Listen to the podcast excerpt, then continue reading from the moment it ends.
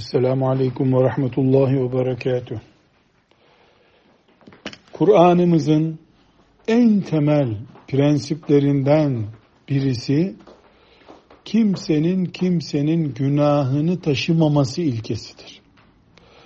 Eğer bu ilke olmasaydı put yontan bir babanın çocuğu İbrahim aleyhisselam olmazdı müşrik insanların çocukları Ebu Bekir veya torunları Ebu Bekir radıyallahu an olmazdı.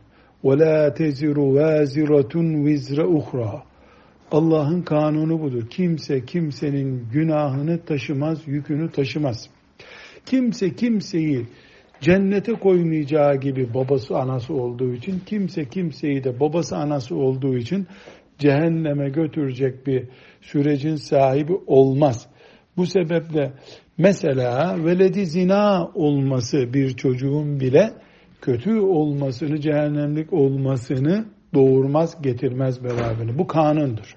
Selamun aleyküm.